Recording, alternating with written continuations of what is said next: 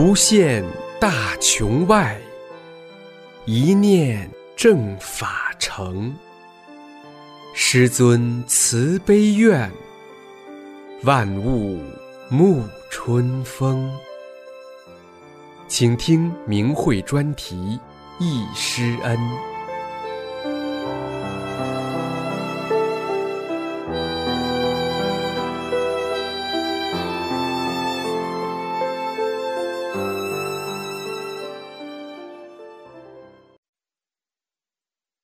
请听明慧忆师恩专题文章，题目是《回忆师父广州第五期讲法》，作者山东大法弟子。文章发表于明慧网，二零零八年一月一日。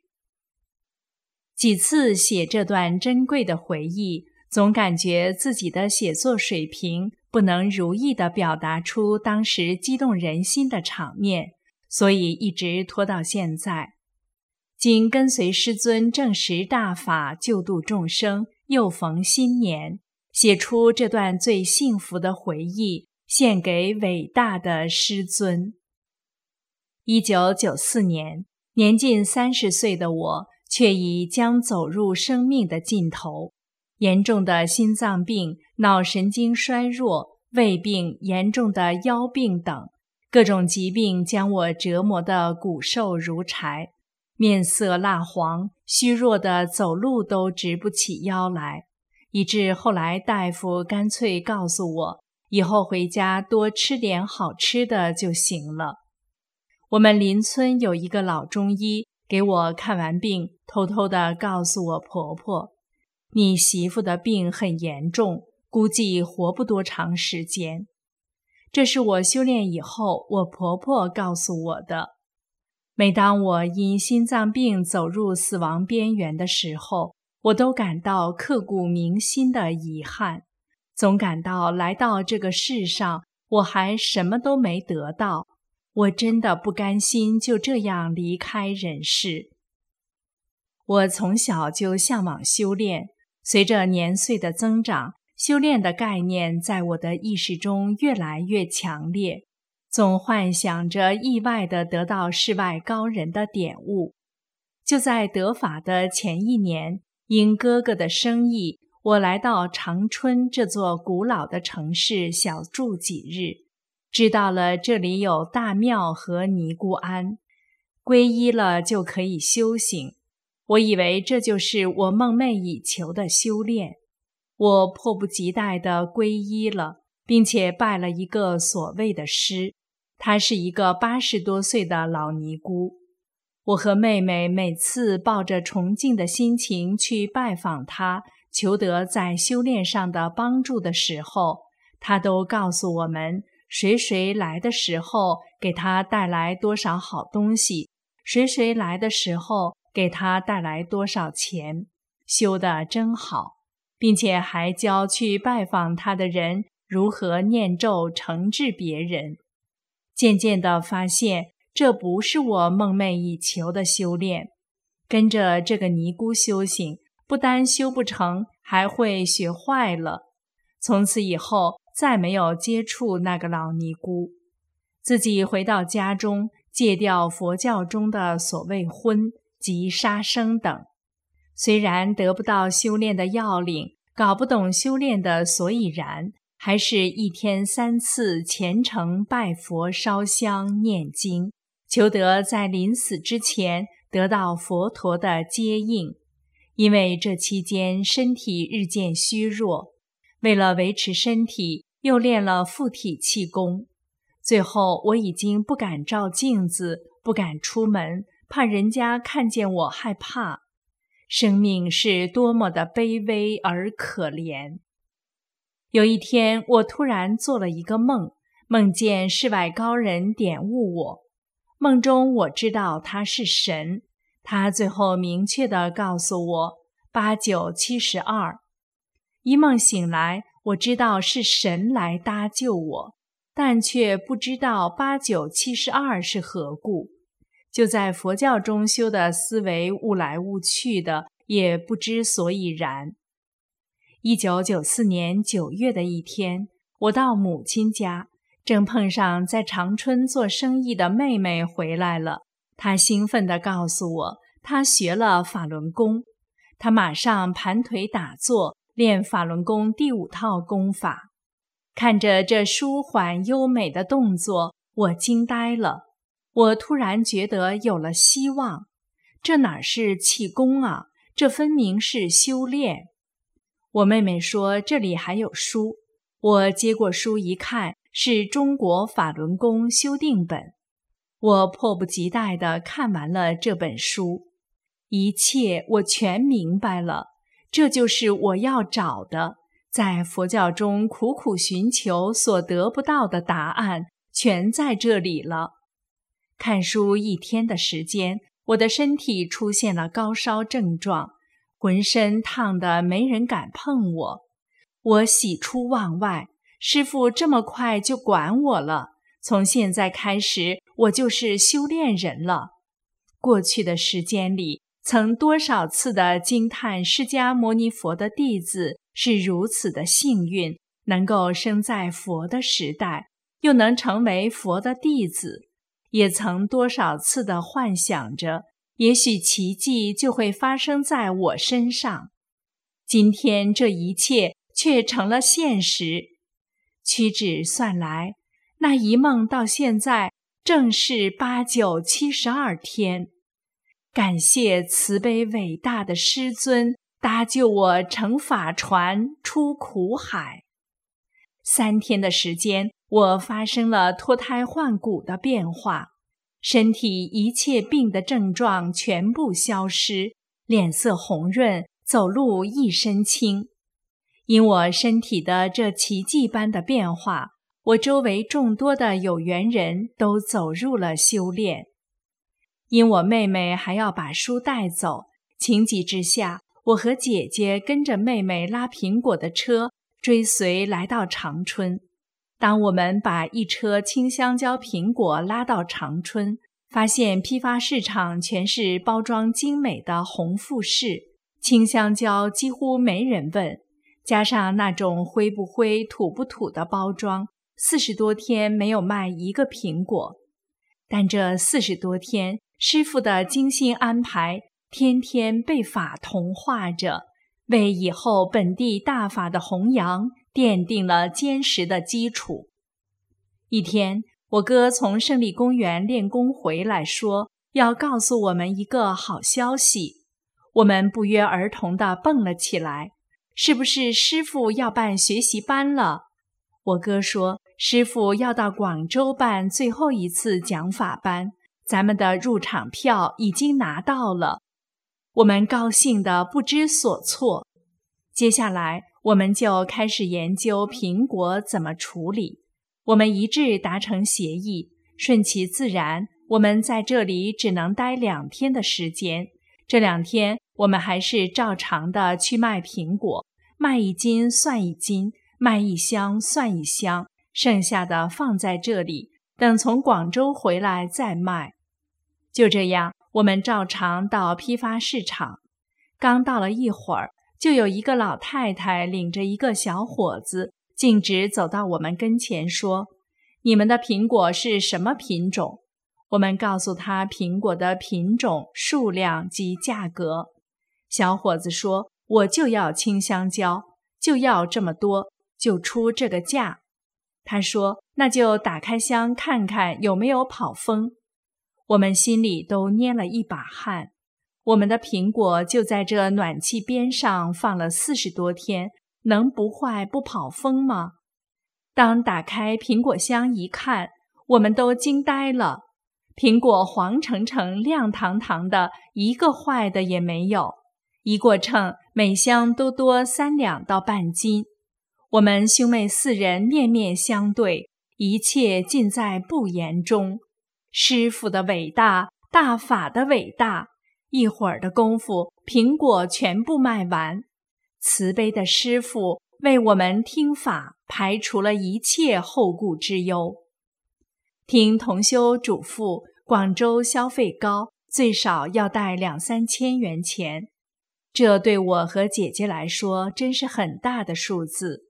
我常年有病，我丈夫挣的钱还不够我吃药住院的，本来就负债累累，还到哪儿去借钱呢？无论如何，我们也要听师傅讲法。我跟姐姐商量好了，只要能去听到师傅讲法就行。至于说回来，怎么回来都行，也许走着回来，也许打着工回来。这样，我硬着头皮到邻居家去借钱。师傅的安排，好心的邻居把家中仅有的六百元钱全部借给了我。这样，我带了六百元，我姐姐卖了粮食，带了八百元钱，转乘北京，跟长春同修登上了直达广州的列车。一切都是师傅的呵护。我们到了广州。我哥哥去打听旅店，这时来了一个小伙子，迎面朝我哥走来，主动问需不需要住旅店。中医学院学生宿舍一天一宿八元钱，没有几个床位了，赶快去吧。感谢慈悲伟大的师傅，在广州能住上八元钱的旅店，是当时我们同修谁也料想不到的。一。师傅远隔千里为我丈夫治病。在广州，师傅讲法的第三天，师傅给学员调整身体。师傅让我们举起右手，想着自己有病的地方。师傅一挥手说：“好了。”接着，师傅说要给学员的亲人调整身体，让我们想着亲人有病的地方。这时，我马上想到了我丈夫脚上的大疙瘩，这个大疙瘩简直成了我的一个心病。我常年有病，丈夫也因这个大疙瘩搞得面色发黄，浑身无力。我也怕丈夫有个三长两短，所以师傅一说，我就一下子想起来了。师傅一挥手说：“好了。”接下来几天听课。我就把这事给忘了。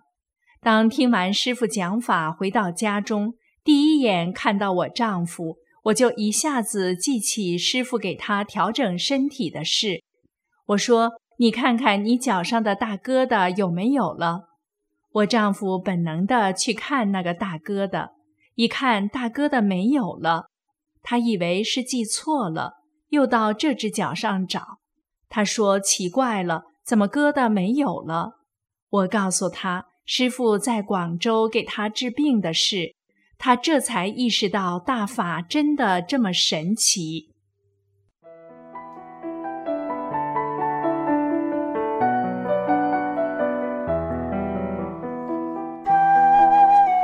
您现在收听的是明慧专题《易师恩》。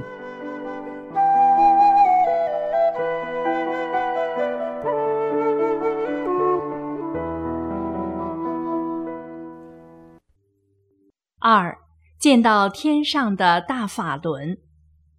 一天晚上，我和同修正在切磋，突然听到掌声一片，有同修高喊“大法轮”，我和同修一起拥出寝室，到处寻找法轮。同修高喊“在天上”，我们往天空望去，只见大法轮在天上旋转。这时，我的眼泪滚滚流下。心中只剩下一个概念，就是跟师傅回家。不知多长时间，感觉双手火辣辣的疼，这才发现手一直在鼓掌，雷鸣般的掌声一直不断。其他的宿舍楼、中医学院的学生都在望着天空鼓掌。这时，同修提议到楼顶看得清楚，我们全都跑到楼顶。发现大法轮是在一个庞大的区域旋转，正转九圈，反转九圈，还有许多小一点的法轮也在自转的过程中跟随大法轮在公转，好像法轮转的时候有个起点，从起点开始转一大圈，回到起点，又从起点反过来转一大圈，再返回到起点。一直这样循环往复，这时天上这一半天是红的，那一半天是绿的。一同修看到这奇异的天象，跑出中医学院买来照相机，拍下了许多法轮。这奇异的景象持续了两三个小时。第二天，《羊城晚报》说天上发现大银盆。三，我见到了慈悲伟大的师傅。我们在广州听师傅讲法。我和妹妹的座位是在师傅的侧面最后一排，只有师傅一回头的时候，我们才能看到师傅一眼，还看不清。冠县的大法弟子就坐在师傅的前面，真是太幸福了。那天我和妹妹商量，等师傅讲完课，我们去看一眼师傅，就看一眼。当师傅讲完课。说让雪君交工的时候，我俩赶快跑到楼下，站在大厅南门口，估计师傅会从这里走。我心里忐忑不安，师傅看见我们不在那儿好好学功，会不会不高兴啊？但是为了能见到师傅，也顾不了许多。这时，师傅真的从大厅走了出来，我们紧盯着师傅。就怕一溜神见不到师傅，正看着师傅走到大厅中央，师傅转身往东门走去。这时我什么也没想，撒腿就往东门跑，怀里还抱着一大包衣服，同修在批发市场买的，让我给拿着。当跑到离大厅门口十几米远，看到慈悲伟大的师傅正走到门口。我戛然停住脚步，望着慈悲伟大的师傅，心里想着不能再向前一步，人太肮脏了，我就远远的见见师傅就行。我们就在这儿望着师傅，师傅就在那儿站着不动，让我们看。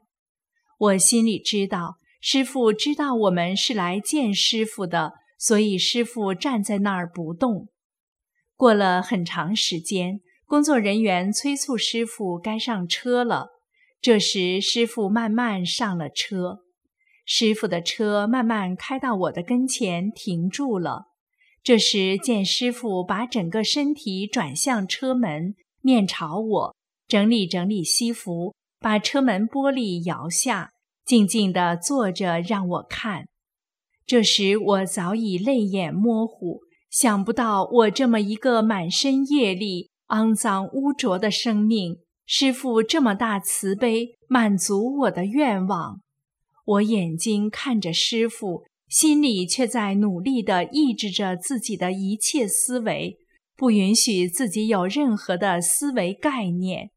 我觉得人的一切思想都是肮脏的，都是在亵渎师父。我什么都不能想。其实人哪有那么大的力量？抑制住野马奔腾的思想，只是心里有这种愿望，是师傅给我抑制了思维。就这样过了很长时间，我才想起我要向师傅核实。我把一大包衣服往地上一扔，双手向师傅核实。这时，师傅的车才慢慢的往前走，走到我妹妹。和练舞蹈的那个同修跟前，不知他也跟我们一起来了。师傅还慈悲地问他是不是没有票，他没有入场票。这一幸福的时刻永远在我心里铭刻。我激动地将刚才的这一切讲给同修听，同修都替我高兴。和我一起分享师父的宏大慈悲。那天晚上，我打坐七十分钟，腿一点也不痛。以往每次打坐一个小时，我都是哭着坐下来的。第二天，同修找我，一定要我跟他们去见师傅，说我根基好，我要不去，他们就见不到师傅。我马上说不行，我不能这样。师傅是让我来修炼的，昨天是让我实现了愿望，我以后要好好的修炼。师傅再看到我这样会不高兴的。我说什么也不去，同修说什么也得让我去。当时碍于同修的面子，同修在前面走，我就在后面跟着，觉得自己辜负了师傅的慈悲，生怕师傅看见我。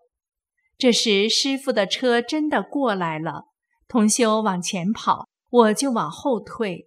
这时看到师傅向同修摆手，示意同修回去。我看到师傅在车里，可能在看学员的心得体会。四，师傅安排买车票。师傅在广州第五期讲法班是十二月二十一日至二十八日，回家正赶上元旦运输高峰，所以个人买票很困难，都是票贩子高出一倍的价卖给我们票。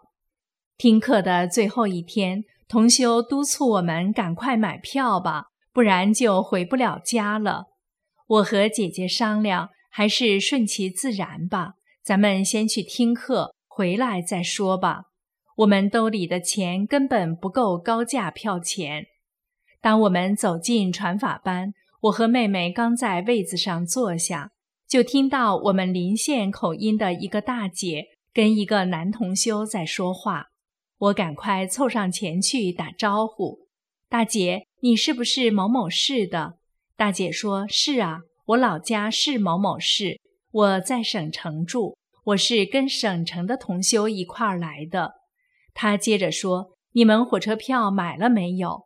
我说：“正在为车票犯愁呢。”他马上指着远处说：“你看看那边那个大高个儿，他就是总站站长，你赶快去找他。”我们明天就去集体买票，这一下问题全部解决了。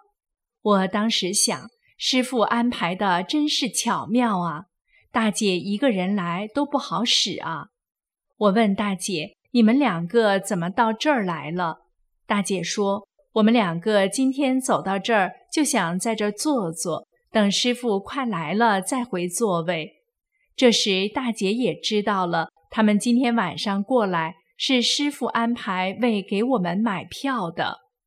我们广州一行无时不在感受到师傅的慈悲，在师傅的精心呵护下，我带六百元钱在广州住了十多天，回到家还剩了钱。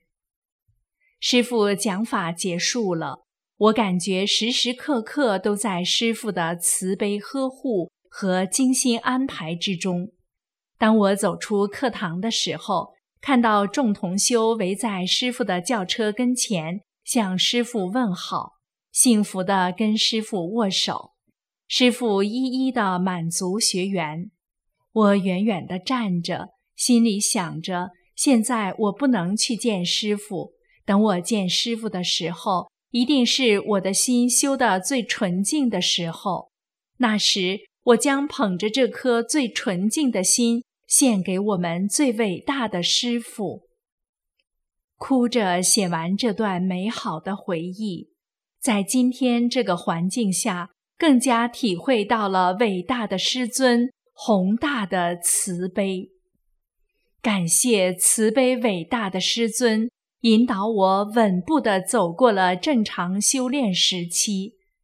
在风风雨雨八年的正法时期，师父呵护我，跨越了巨关巨难，千言万语表达不尽对师傅的感激之情。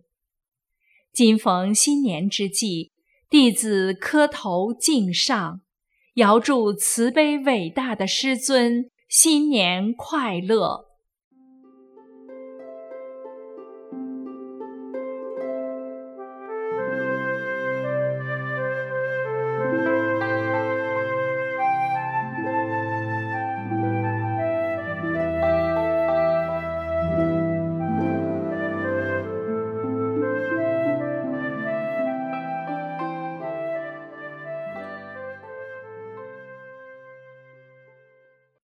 请听明慧易师恩专题文章，题目是《参加师尊济南第二次讲法班的回忆》，文章发表于明慧网，二零零九年一月十二日。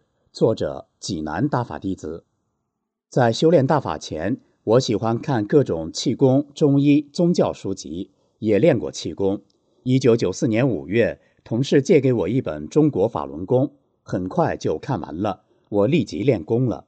特别是第三套功法做冲冠时，感觉到很强很粗的能量流随着手在冲冠。我马上到书店买到一本《中国法轮功》，但是我想要师傅给下法轮。在以后的几天里，梦见了师傅在讲台上给我们讲课。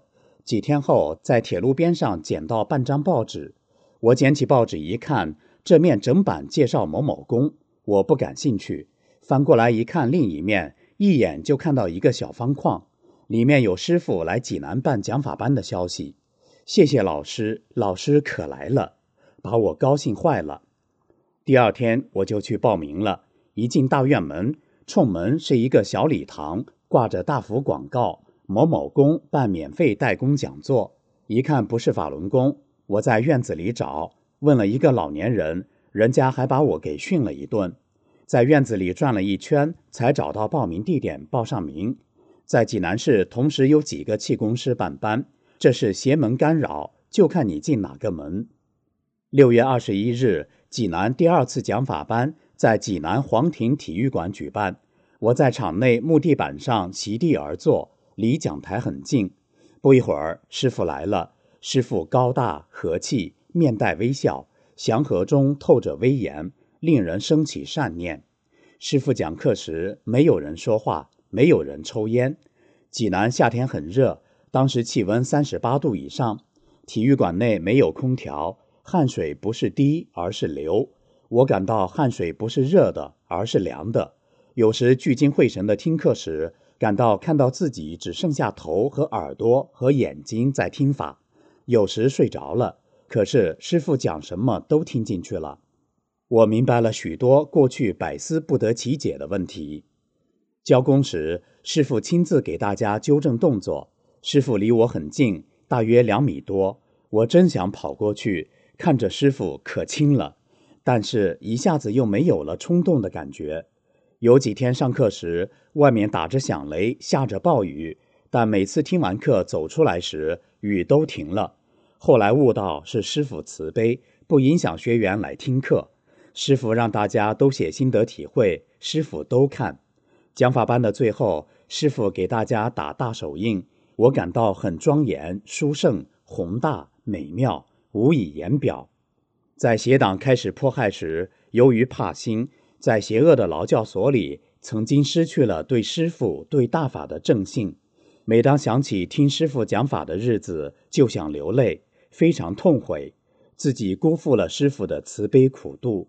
我以后要真正实修自己，正念正行，做好三件事，不负这万古机缘，不再辜负师傅的期望。